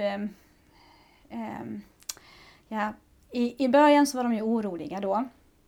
För att eh, där när jag så att säga väl vaknade, det kom väldigt plötsligt då eh, efter årsskiftet, eh, så var jag väldigt så liksom att nej, men nu vill jag gå ur helst idag. Mm, ja, sjunga dina nu gör vi slag i saken. Ja, men, men, då, men då så sa de så, nej snälla gör inte det mamma, liksom, stanna nu kvar och så här. För de förstod ju också att oj, hur ska det här gå liksom. Och, Ja. och, då, och då så ville de fortfarande gå på mötena och de ville gå i tjänsten, de ville träffa sina kompisar. Men eh, vi, så vi, så vi, vi var väldigt eh, försiktiga där, min man och jag. Och vi, vi rådfrågade många, hur ska vi göra nu? Vi ville, vi ville inte förhasta oss. Men, eh, eh, men vi kom fram till att vi, vi, vi låter barnen så att säga, utöva sin religion om de vill. Eh, sen kom vi överens om att, att det är bättre att det är min man som sköter det. För Mm. att jag är för mycket känslomässigt eh, påverkad och jag fixar inte att träffa de här människorna. Eh, så att han skulle vara den som tar dem till möten och ut i tjänsten och min son ville fortfarande gå på sammankomst nu i, när det var på våren. Eh, och det var faktiskt så att han var själv på sammankomsten. Han satt eh, tillsammans då med sin vän och vi andra vi var på stan. Min man och jag och min dotter vi var på stan så vi var inte på sammankomst. Men, mm, men efter det så på något sätt så, så, eh, så har det ändå varit så att han har liksom tänkt att nej men okej vi kan vara hemma från mötet, vi kan följa med på Zoom. Och sen så har han ändå inte följt med på Zoom. Nej. Så, så vi har liksom insett ändå att han har ju kanske inte haft den tron som vi trodde att han hade. Utan han har egentligen bara följt med mamma och pappa Ja. på För deras barnen är det också ett sammanhang, men så gör vi i vår familj och så gör barn det utan att tänka så mycket. Det är ju det som är barnuppfostran, man uppfostrar dem in i, en, i det som är föräldrarnas tankegångar. Och det då är borta och ändrar sig, men då följer barnen också med. Mm, mm. Det, det är ju väldigt vuxna tankar och funderingar det här med att vara religiös som Jehovas vittne. Mm, mm. Hur mår barnen idag? Eh, Jag tycker att de mår bra. Ehm, De har ju sett hur jag har testat mina relationer och eh, ändå varit, eh, varit öppen och eh, förklarat för, för vissa att eh, jag eh, Ja, jag, jag klarar inte av att, att sitta på mötet eller på sammankomsten och höra på de här talen som handlar om uteslutningsanordningen för att jag blir så illa berörd för jag, kan, jag har väldigt svårt att tro att, att Jehova godkänner det. Och, och jag märker på något sätt att, att det här föredömet har också påverkat dem. För till exempel då min dotter, hon har då själv, eh, när hon har fått frågan varför inte hon, går på mötena av en kompis i församlingen, så har hon då själv eh, berättat eh, lite om, eh, om vad hon själv tycker och tänker. Och, eh, och så, så säga, hon har också så att säga, börjat testa sina relationer. Ja. Så, och, och, och just i det fallet så, så fick hon också jättefint och positivt gensvar. Och, och Mm. den flickan eh, kände själv att hon har jättesvårt med vissa saker och, och så kunde hon Ja. prata om det. Ja, de är bara så, barn. Ja, de är bara barn. Ja, och det, ja, det, ja, det krävs ja. otroligt mycket barn Ja, till Jehovas ja, vittnen. Ja. Däremot min son, han har ju haft en bästis som de har haft eh, kontakt med kanske framförallt när de har spelat dataspel. Men även träffats. Eh, men, men den familjen, där har jag också berättat för mamman att jag inte går på mötena. Och eh, inte varför just den gången, för jag var lite, lite försiktig då. Men, men sen dagen efter kände jag, nej men jag, ja, jag måste såklart kunna berätta för henne så att hon förstår. Det blir sån mysterium för henne. Så när jag då ville ta kontakt med henne för att berätta så tackade hon nej. Hon ville inte veta mer. Eh, Så jag förstod att hon ville, hon vill nog inte ha kontakt just nu. Mm. Så länge läget är som det är. Och där har ju även då eh, min son eh, tappat kontakten med, med deras son. Ja, för det blir dåligt umgänge. Ja, jag vet inte riktigt vad de har sagt. Ifall de kanske har sagt att ja men ehm, den här pojken vill inte umgås med dig mer kanske. Eller, eller ifall... Ja, alltså, på något sätt så är det ändå så att det är så mycket av umgänge och vänskapen som bygger på de här andliga aktiviteterna. Mm. Så att när de försvinner Ja, så är det precis som att vänskapen försvinner. det är ju byggt på ett luftslott. Ja, ja. Eh, allt det här och det är ju byggt på, på villkor. Mm, Att man är mm. med i de här aktiviteterna och sen har du vänskapen. Mm, så, mm. så är det ingenting att bygga det på. Nej, nej. Nej. Men eh, ska barnen börja fira födelsedag nu? Eller ska ni börja fira barnens födelsedag? Ja, alltså, dig själv. ja, nej men alltså jag, jag, jag tänker så här att, eh, att de som vill eh, fira födelsedag, de får jättegärna göra det eh, i vår familj. Och det är lite olika vad, vad, vad, vad man tycker om det, vad man tänker om det. Eh, min son han har absolut inget behov av att fira sin födelsedag och min dotter hon vill ju fira allting nu, varenda Ja. sak som finns. Ja. Och, och, och själv känner jag liksom att jag, jag är nog inte så liksom att åh, nu vill jag börja fira allting. Jag har ju firat saker innan i mitt liv, jag vet Ja. ju hur det är. Men, men jag känner att, att det som ska avgöra om jag ska fira någonting är egentligen hur viktigt det är för de människor som jag älskar. Mm. Så att om det är viktigt för min syster att jag kommer på hennes födelsedag, ja men då gör jag det och då firar jag det. Mm. Eller om det är viktigt med jul, ja men det kommer jag. Och, och, och någonstans har jag också insett att, att alla de här eh, högtiderna, det är ju, alltså när man, när man kommer i sanningen och man slutar fira de här högtiderna, så blir det automatiskt att man, eh, liksom, det blir ett avstånd. Mm. Det skapar avstånd. För det är så mycket gemen, gemenskap i de här högtiderna Mm. som man då går miste om. Så även om man försöker ses vid andra tillfällen, det blir inte samma sak. Eh, så, så faktiskt för gemenskapens skull så, så kommer jag säkert att, eh, att vara med min familj när de firar olika högtider. Och Jag måste ju säga det. att, att se sina barn få uppleva sin första riktiga födelsedag, där de är centrum. De får bestämma vilken tårta det ska vara, hur dagen ska se ut, om de vill ha en fest eller gå på restaurang. De får göra önskelistor och önska sig de här grejerna. Det är ju, det här är min dag, jag är i centrum. Och de får lära att göra samma till någon annan. Idag är det min systers eller min kompis, idag är det deras dag. De får bestämma precis. Det är ju så roligt. Det är jättekul. Ja, och jag har aldrig firat det så jag har inte vetat det innan. Jag pratade med ett Jehovas vittne häromdagen som är som dig. Hon är med på pappret men ju liksom håller på att vakna. Och hon har varit på sin första födelsedag. Hon är äldre än vad jag är. Och eh, hos något familj. Och den här familjens barn, de bara Åh, de har, små, de har små barn. Nu kan ni komma och fira oss. Och de tyckte det var så kul att nu kunde deras moster och onkel vara med på, på deras födelsedag. För det är någonting speciellt. Som man avskärmar sig från Mm. när man är Jehovas vittne. Ja, ja. Ja. Så, så jag, jag, det var ju så att jag, det ändå var så att, att jag känner ju inte att jag, jag kan inte ångra att jag blev ett Jehovas vittne. Nej. Som, som sagt, jag, träffade min man och, och vi har det väldigt, väldigt, väldigt bra. Och jag hade också behov av den här tryggheten. Mm. Eh, men, men egentligen det enda som jag ångrar och som jag har gråtit över, det är ju det att, eh, att, eh, att jag har missat alla de här firandena med min syster och hennes familj. Vilket jag tror är orsaken till att mina barn och hennes barn inte står så nära idag som de skulle ha gjort annars. Ehm, och det har jag också pratat med min syster om och med, mina syskonbarn om och verkligen bett om ursäkt för. Att vi inte fanns där under alla dessa högtider. Vad har de sagt då? Ja, de var ju jättegulliga. Ja. så vi, vi har ju ändå en bra relation. ja. Men, eh, men jag tror att vi skulle haft en ännu tätare och närmare relation om vi hade haft de här familjehögtiderna. Mm. Så vi, vi, vi ska såklart eh, försöka ta igen det och liksom, ja, Ja. starta om på nytt och, och helt Mm. enkelt fokusera framåt. Men vad fint, du har din familj som har stått där hela tiden Mm. och bara väntat ut. Ja, Att- ja, ja. Och, och, och aldrig någonsin hotat mig med att om du lämnar våra uppfattningar så kommer vi att sluta prata med dig.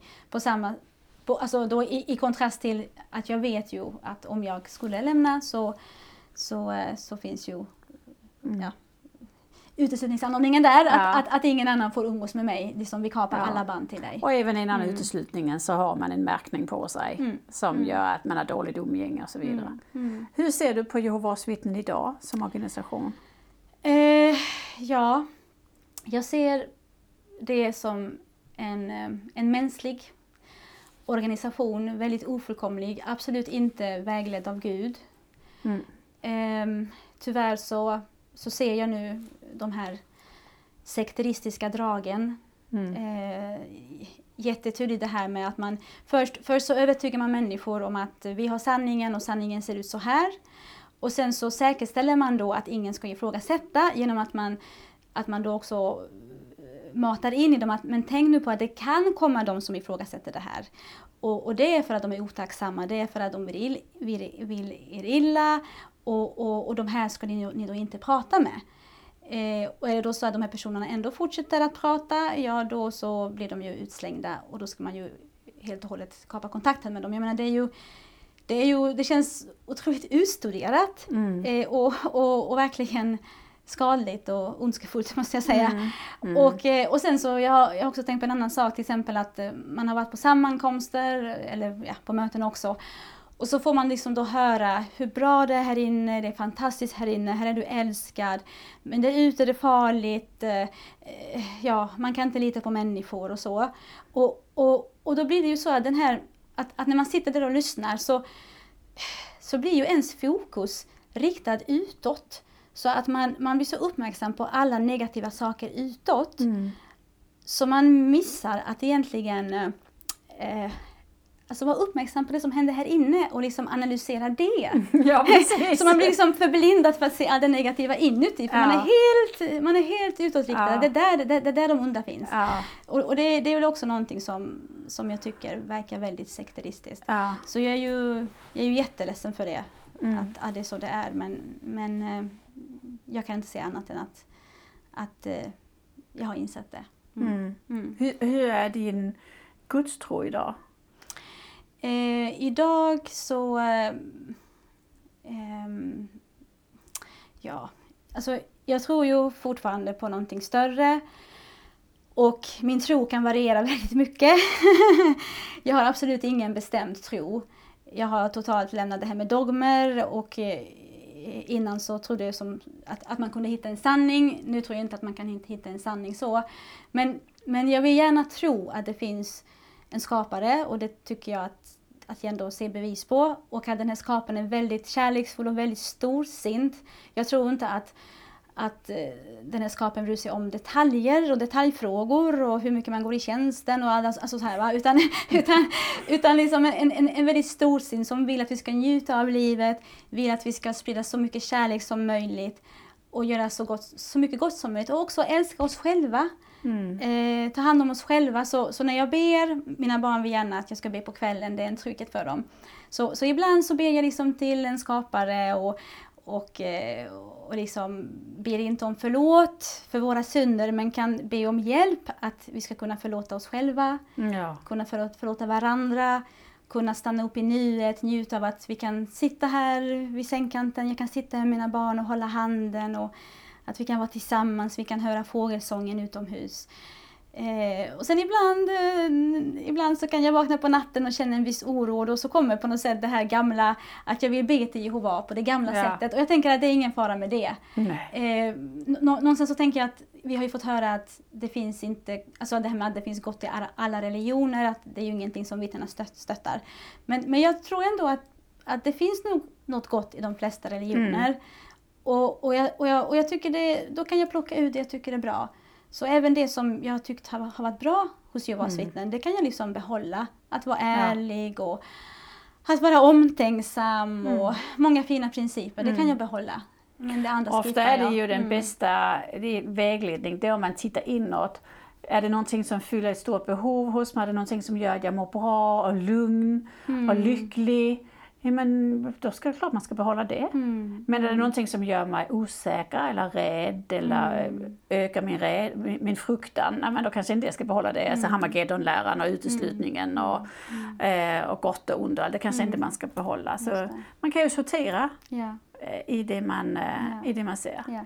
Jag, jag, jag tänkte, eh, eh, vi hoppade lite här. Vill du att jag kanske berättar ändå vad det var som fick mig att vakna sådär? Absolut, ja verkligen. Ja. Det gled vidare. Ja, ja, ja, här. precis. Jag tänkte. Ja, ja eh, ja, för som jag berättade då i höstas så hade min man också eh, slutat gå i tjänsten Mm. och jag kände ju på något sätt ändå att min tro började tryta. Alltså, Mm. då, då hade jag insett att, att uteslutningsanordningen inte bara var en detalj utan det var något skadligt. Och som väl var så hade jag ju då min man som jag kunde prata väldigt mycket om det med och även då min uteslutna svåger och även min uteslutna svägerska som hade blivit också utesluten på, senare tid. Eh, Men också faktiskt mina väldigt, väldigt starkt troende svärföräldrar som ändå varit väldigt öppna och, vi, och har kunnat, jag har kunnat prata mycket med dem. Så jag, så jag, jag är jättetacksam för att jag har kunnat prata med dem. För det här var ju ingenting som jag kunde prata med min egen familj om. För att Nej, de var förstår ju inte. Det var ju jättekonstigt att de skulle tycka, "Oj, men var, varför har du varit med i en sån Ja, sekt då? ja. Ifall jag hade berättat för dem vad jag insåg. Men egentligen det som gjorde då att jag ändå liksom tog de här jättestora kliven Mm. eh, här vid årsskiftet. Det var egentligen två saker. Och det ena var ju då att eh, eh, vi fick hederbesök av Kristi och en äldstebroder. Och förmodligen för att de skulle uppmuntra mig och eh, mina barn eftersom min man då inte längre gick i tjänsten. Mm. Eh, och då kände jag att nej men nu måste jag faktiskt testa. Jag kan inte liksom låtsas att allting är bra. Jag, jag måste våga öppna mig och se vad som händer. Så jag valde då att eh, berätta hur jag har känt att min tro börjar liksom, ja, eh, truta, vackla. alltså mm. vackla eller brytas ner. På grund av att jag inte längre kan få ihop uteslutningsanordningen med Jehovas kärlek. Att jag tror inte att Jehova stöttar det. Hittills har jag bett Jehova att hjälpa mig förstå uteslutningsanordningen men nu ber jag att han ska ändra det. Mm. Och eh, men jag berättar också för dem att, att mina barn, de är väldigt uppmuntrande. De vill att vi ska ut i tjänsten och iväg till mötena. De vill att jag ska vara hjälppionjär. Och då hade också den nya anordningen kommit, att vi kan vara hjälppionjärer bara 15 timmar. Ja, det är helt fantastiskt. när det är kampanjmånader och, och, och när vi har Kristi på besök. Så jag sa också till dem att, att jag kommer lämna in och för att det är ju jättejobbigt att känna att min tro håller på att brytas ner. Det är ju en kris. Eh, så jag vill försöka liksom göra så mycket som möjligt i Herrens verk. Och, och, det kan låta konstigt kanske men, men det var liksom den sista, liksom sista eh, livlinan för ja. mig att på något sätt liksom ändå hålla ihop min tro ja. innan den liksom bara bröts i bitar. Ja. Eh, så jag lämnade in min, min hjälpmedelansökan och eh, den blev inte godkänd.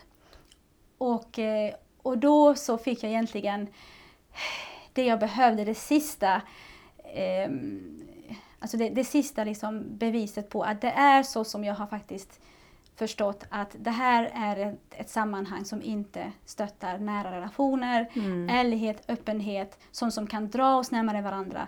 Det, det motarbetas ja. och istället så blir man bestraffad när ja. man försöker öppna sig. Ja. Eh, så det gjorde, gjorde mig jätteledsen. Och det intressanta var då att, att bara typ en vecka efter att det här hände så var jag ute på stan och eh, jag gick förbi ett café och där satt en gammal god vän till mig och min man. Han hade varit borta i tio år, hade lämnat eh, församlingen och eh, ja, vi hade inte kontakt med honom. På något sätt så hade liksom våra liv också ja, delat på sig. Vi hade fått barn precis och, och han levde sitt nya liv och så. Men, men vi, vi hade alltid hejat på varandra. Eh, och nu så hejade han också jättefint och liksom visade hjärtan med sina händer genom fönstret. Ja. Och jag gick, gick, vidare och så tänkte jag nej, jag måste vända om. Jag, jag, jag måste gå in. Jag, jag var i en sån andlig kris där kände jag.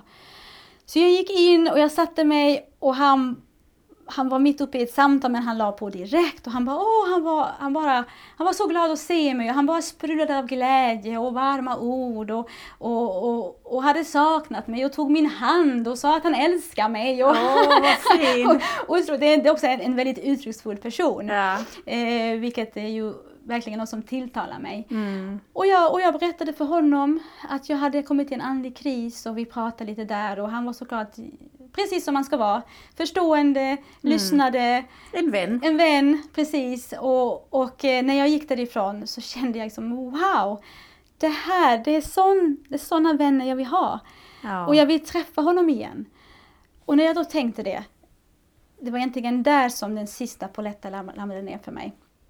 För då insåg jag att men om jag vill träffa honom och han är ju ingen familjemedlem och han är utesluten.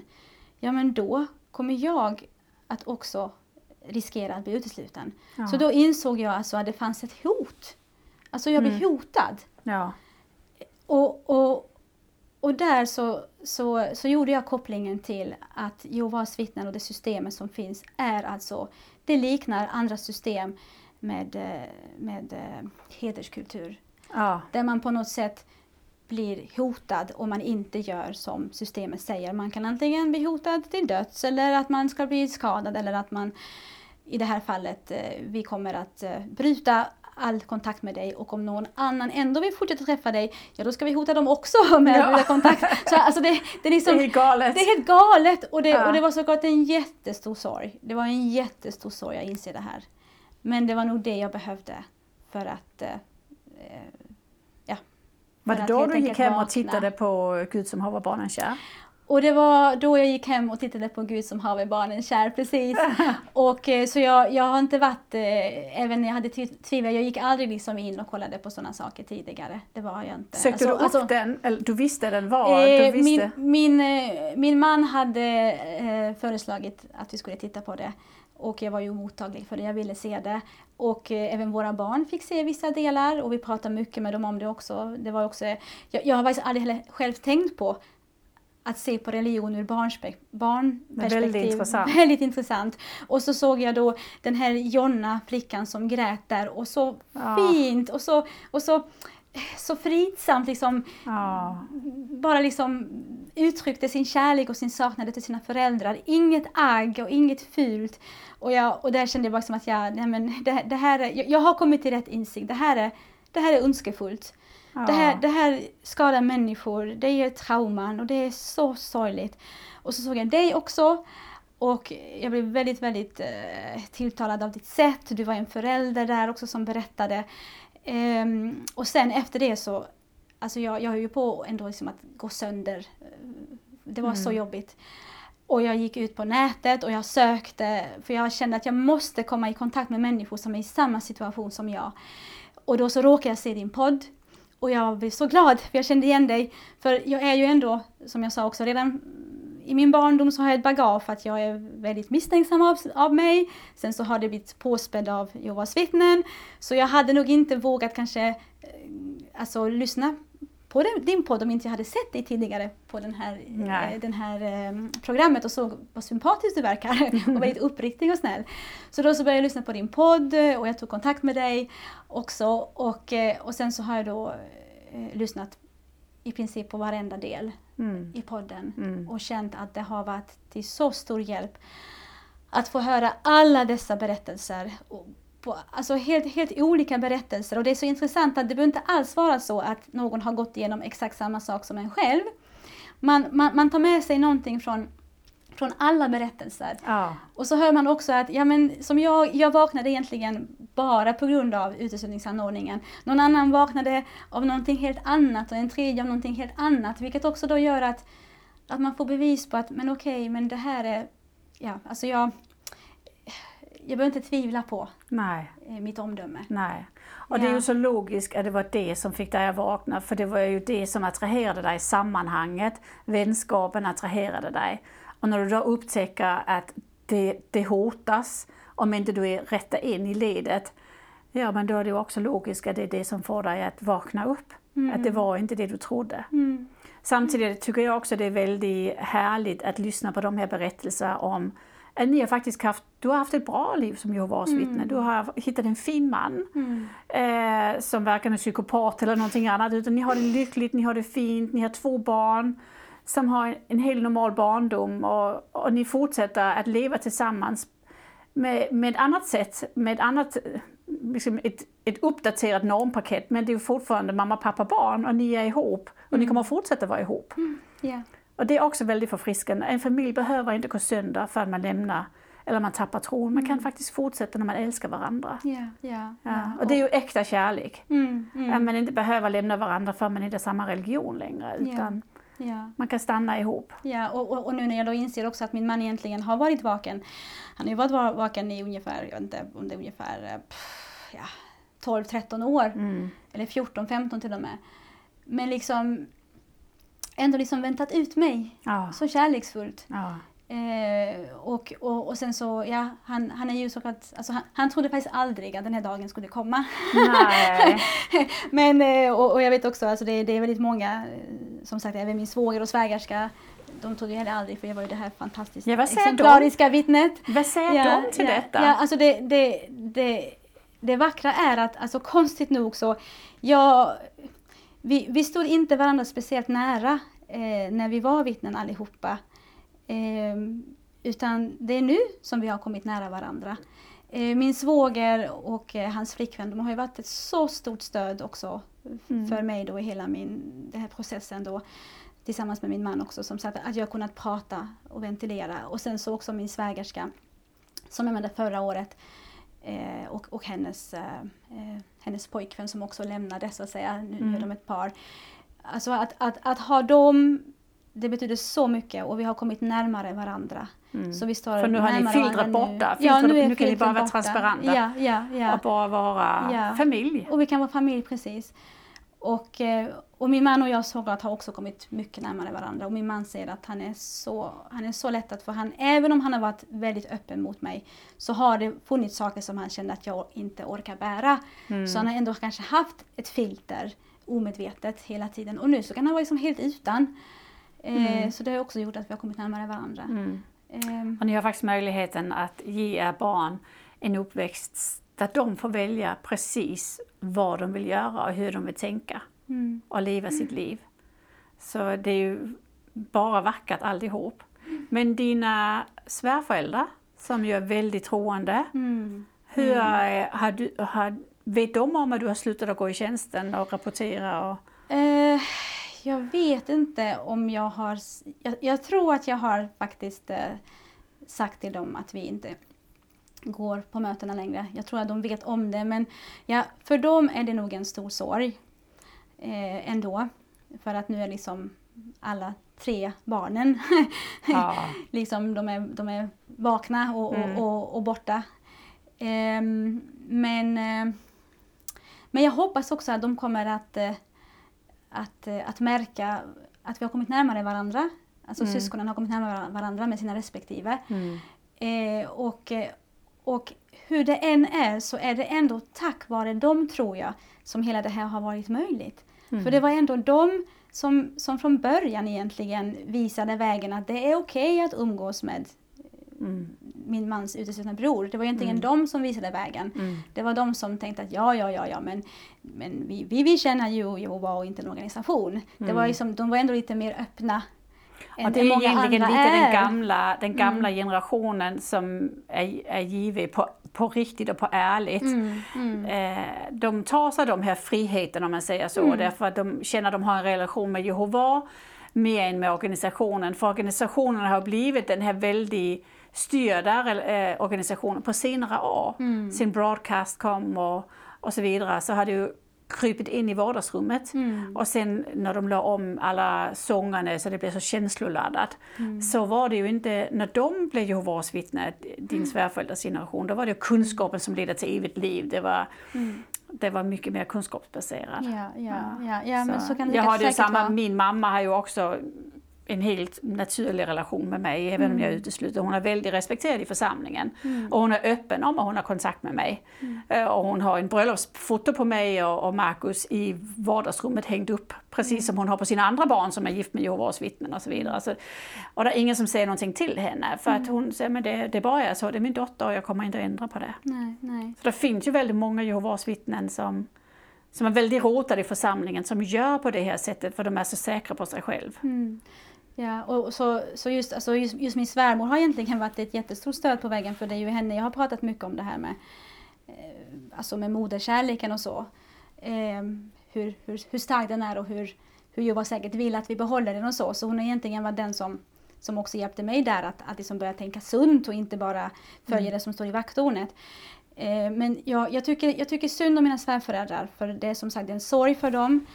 Och, eh, och just nu så är vi kanske i en fas där det är lite spänt. Mm. Eh, men jag är väldigt angelägen om att vi ska också vårda vår relation till dem och att de också ska öppet kunna få berätta om sin sorg till oss. Mm. Så att vi...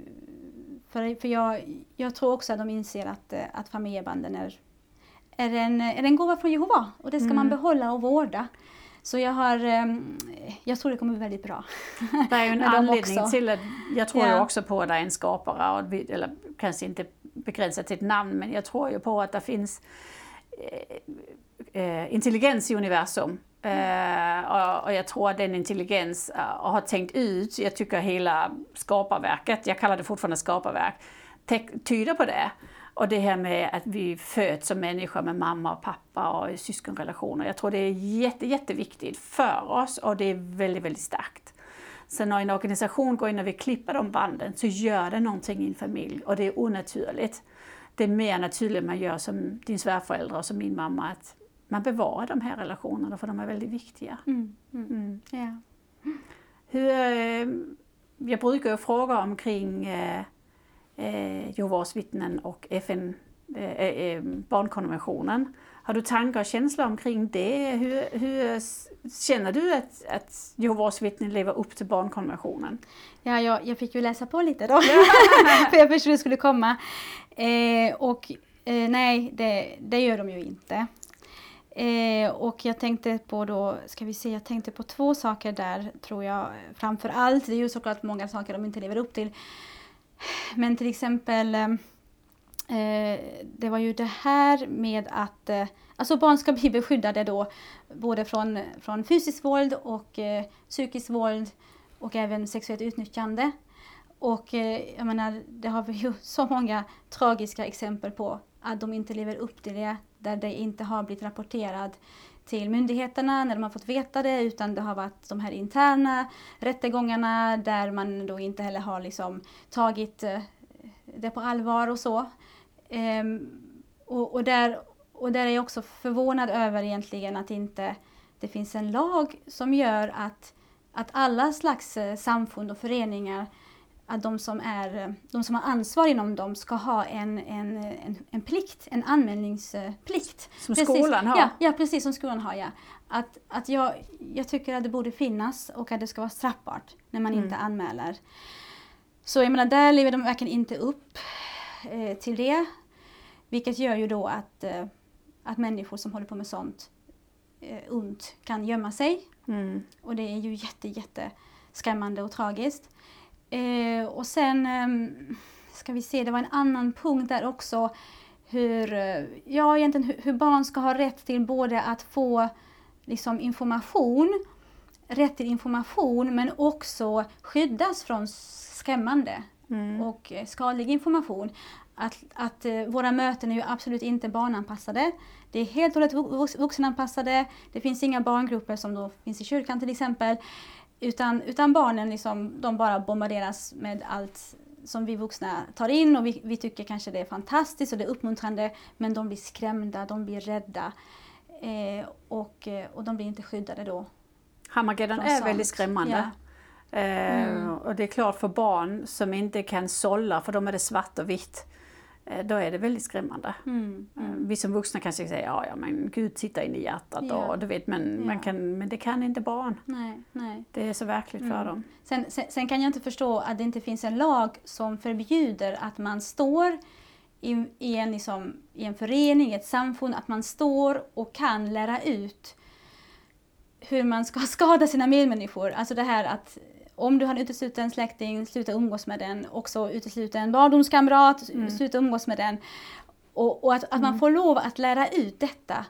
Eh, menar, man skulle aldrig någonsin skulle få se något liknande i, i, i ett skolsammanhang eller något. Ja. Eller företag. Ja, företag precis. Ja, Likabehandlingspolicy ja. ska alla företag ha. Ja, men att man får lov att säga det utan att bli straffad. Jag, jag, jag kan inte förstå att det får lov att ingå i yttrandefrihet och religionsfrihet. Nej. Och, och, och, och, så sitter då barn där som då faktiskt tolkar detta till att eh, många barn gör det faktiskt att ja men då kanske min mamma och pappa också kommer sluta umgås med mig. Mm. Och, och det blir liksom ett, ett omedvetet eh, kanske, alltså antingen så medvetet eller omedvetet men, men, men det blir ju en press på dem att de måste ju, de måste ju följa vår religion. För de är ju inte förlorade sina föräldrar. Nej. Um, så ja, nej jag... Ja. Det, är ju, det är ju klart, du ser ju på er egen son, i det ögonblick ni slutar gå på möten, då börjar han, slutar han gå på möten. Mm. Det är ju mm. inte hans religion utan det är ju såklart ett mönster han följer men det är också det här dolda hotet. Mm. Att gör vi inte det så kan vi dö i Harmageddon och vi måste behaga Jehova. Och Kevin och Sofia-filmerna de, de puttar ju på med det. Mm. Eh, det här med barnen har sitt eget ansvar, stå för sin religion och de ska ha mm. liksom, inte äta födelsedagskaka eller vad det nu är. Ja, ja precis. Ett stort, stort ansvar och trycket mm. ligger på barnen. Ja, ja. ja. Det är mycket skam och skuld som man ja, bär på då. Ja. Mm. Men om du har någon som lyssnar som, eh, som sitter och är i samma sitt som dig, liksom är, är i församlingen och jag, jag vet ju det är många i församlingen som lyssnar på detta mm. som det är ju inte de aktiva som lyssnar på det, det är ju Nej. de som, som är vakna precis som dig. Vad vad skulle du rekommendera för dem? Vad är nästa steg? Liksom, vad, vad ska du göra nu? Mm. Ska du vara i det här limbo för alltid eller hur känner du? Ja, alltså jag... Just nu känner jag att jag... Eh, jag tyckte ändå att jag fick ett, ett väldigt vist råd av, ett, av ett eh, före, en före detta Jehovas vittne eh, som skrev ut sig. Och eh, hon sa till mig att, eh, att eh, man förstår ju inte egentligen vad det innebär att bli utesluten förrän man är utesluten. Plötsligt så ringer det människor och eh, säger hej då och gråter och sen så har man liksom ingen ens mikrofon blir stängd. Ja. Och hon kände ju att nu har det gått några år och nu är hon mycket mer vis, mycket mer mogen. Hon önskar att hon hade kunnat haft kvar kontakten med vissa av dem som hon tyckte väldigt mycket om. Och hade kunnat liksom prata med dem på ett annat sätt. Mm. Så hon gav mig rådet att om inte du måste, du känner att du måste skriva ut dig. Så, så gör inte det, alltså Nej. förhasta dig inte. Nej. Och, och i- mitt fall så känner jag nu att det har varit ett nyttigt råd. För, för eh, som jag nu också sa, att jag har valt att testa mina relationer. Och eh, flera gånger har jag blivit så positivt överraskad. Det var en syster jag också berättade för om det här att jag, jag klarar inte av de här talen på sammankomsten. Jag klarar inte av att få, jag får inte ihop det här med, med uteslutningsanordningen med vår kärlek. Och när jag sa det så brast hon ut i gråt av lättnad. För då visade det sig att den här systern eh, har själv eh, varit väldigt ledsen och har, har det väldigt jobbigt i sin relation, i sitt äktenskap och känner sig fast och känner inte att hon kan prata om det med någon annan. Nej. Eh, och när hon då liksom förstod att jag vågade ta, steget, jag tog en risk och öppnade mig, så kände hon att wow, liksom, då vågade hon också öppna sig och så bara Ja. brast det va? och så bara, Ja. och så bara grät hon. Och, och, och sen dess har vi också haft faktiskt tätare kontakt än tidigare och ringer och, och pratar och så. Jag, jag, jag berättar inte allt för alla så på en gång men, men, men jag, jag, jag testar lite det jag, det jag tycker att, eh, att eh, Alltså vissa relationer vill man testa, vissa relationer som man, man, Mm. man vill se om det är ändå någonting, någonting riktigt där, Mm. någonting, nå, nå- någonting med tyngd. Så det, det vill jag gärna eh, berä- berätta om, hur positivt det har varit för mig att göra det och våga göra det. Att inte vara rädd och låtsas. Eh, men att jag ändå är försiktig på det sättet att jag känner inte att det finns ingen mening med att jag blir utesluten. För att det är ganska trevligt att kunna ha kvar nu de här kontakterna. Det är inte så att jag inte kan leva utan dem. Men, men varför, varför bryta om det inte Mm. behövs? Nej. Och, och, och just där också att jag har då eh, vågat vara öppen och testa relationerna. Någonting där som jag också känner har varit väldigt, väldigt eh, bra är att jag märker att jag har visat gott föredöme till mina barn. Mm. Eh, så det, det är någonting som jag, som jag, som jag vill berätta som någonting, eh, som någonting bra. Att, att, våga, att våga öppna sig i lagom mängd, kanske lite försiktigt i början, känna sig för Mm. eh, med vissa personer som man vill ha en närmare relation Mm. till. Ehm, och de som man har nära sig redan, de kan man ju så att säga eh, försöka få ännu närmare. Ja, precis. så att om den dagen väl kommer att man blir utesluten så Mm. har man ändå eh, Ja, det är nog väldigt smart att man börjar bygga Ja. sitt nya liv. Mm, mm, Eh, liksom, eh, så man inte är helt beroende av alla i församlingen utan man har lite ett, sprid, ett spritt nätverk mm, mm, eh, mm. med lite kontakter Ja, utanför. ja, så ja. så blir man inte lika beroende av organisationen. Ja, ja. Men, att, men att spela skådespel, i alla fall för mig funkar det inte. Jag, jag känner att jag bryter ner mig själv om jag låtsas. Mm, Utan jag vill vara uppriktig och ärlig. mm, Eh, det mår jag bra av. Så, mm. så jag tror att det är många som kan må bra av att faktiskt våga vara ärlig. Det är nog väldigt Både mot sunt. sig själv och mot andra. Ja, det är nog väldigt sunt Mm. att, eh, att vara transparent och ärlig. Ja, ja. Och Och, så får man se hur relationerna bär det. ja. Också det här med rädsla vi pratade om tidigare. Att, Mm. att, eh, ja, egentligen, jag har ju varit lite rädd att, att vara med i den här podden ändå. Ja. det finns ju alltid en risk. Ja. Eh, men att, men att jag, jag kämpar ju mot att, eh, jag vill ju inte att, att organisationen ska ha ett grepp om mig. Att, jag ska vara, att den ska liksom hålla mig i en rädsla. För det är Nej. ju inte heller sunt. Nej. Eh, och också det här att jag försöker också eh, motarbeta eh, mina tendenser till misstänksamhet och försöker då som sagt söka kontakt med människor. Mm. Eh, på arbetet till exempel, jag har inte varit så mycket utåt hittills då. För man, man ska ju ha sitt umgänge i församlingen. Men på senare tid så har jag bjudit in och, och försökt att lära känna de här människorna runt omkring mig mer. Mm. Och eh, det är som jag också då fått höra från många som har lämnat att världen är full av väldigt fina, snälla människor. Som vill väl, som vill skapa en, en, en kärleksfull, skön värld. Speciellt här i Sverige, hela samhället Mm. är ju så, så fin jämfört med Ja. många andra delar. För att, för att människorna, de vill väl. Ja. De vill ha det bra. De vill att vi ska ha det harmoniskt och, och kunna njuta av livet. Och som mamma så har jag också tänkt på det. Jag har alltid tänkt att ja, men man är lite bättre förälder när man är Jehovas vittne för man har liksom koll på barnen och det är mycket strikta regler och så vidare. Och sen upptäcker jag på den här sidan att föräldrar som inte är Jehovas vittnen är ju precis lika omsorgsfulla omkring sina barn och måna om vem de umgås med, vad de hittar på på fritiden och vad de gör, hur de sköter skolan. De, de är ju väldigt, väldigt måna om, om sina barn och sin familj och relationerna i familjen. Så ja, Mm. det är bara en bild man har målat upp att det bara finns inom Jehovas vittnen. Men det finns inom alla människor. Det finns fina familjer i församlingen, det finns fina familjer Mm. i samhället. Mm, ja, ja. Jag, jag har ju varit väldigt rädd för att hur ska det gå för vårt äktenskap om vi, om vi lämnar. Liksom. Ja. Men det är ju inte så heller att man, att man förändras och totalt omvändning. Man har ju kvar principer i livet. Ehm, så att jag, jag märker också att jag behöver inte vara orolig. Det är inte, så att det, det är inte sanningen som har hållit mig och min man ihop. Nej. Faktiskt. Och, det, och egentligen också under årens lopp märkte jag att det fanns många av mina medsystrar som hade de här superexemplariska männen som var väldigt teokratiska och, och engagerade på alla sätt. Men, men jag märkte på de här systrarna, de var inte lyckliga. Nej. Deras behov blev inte tillfredsställda.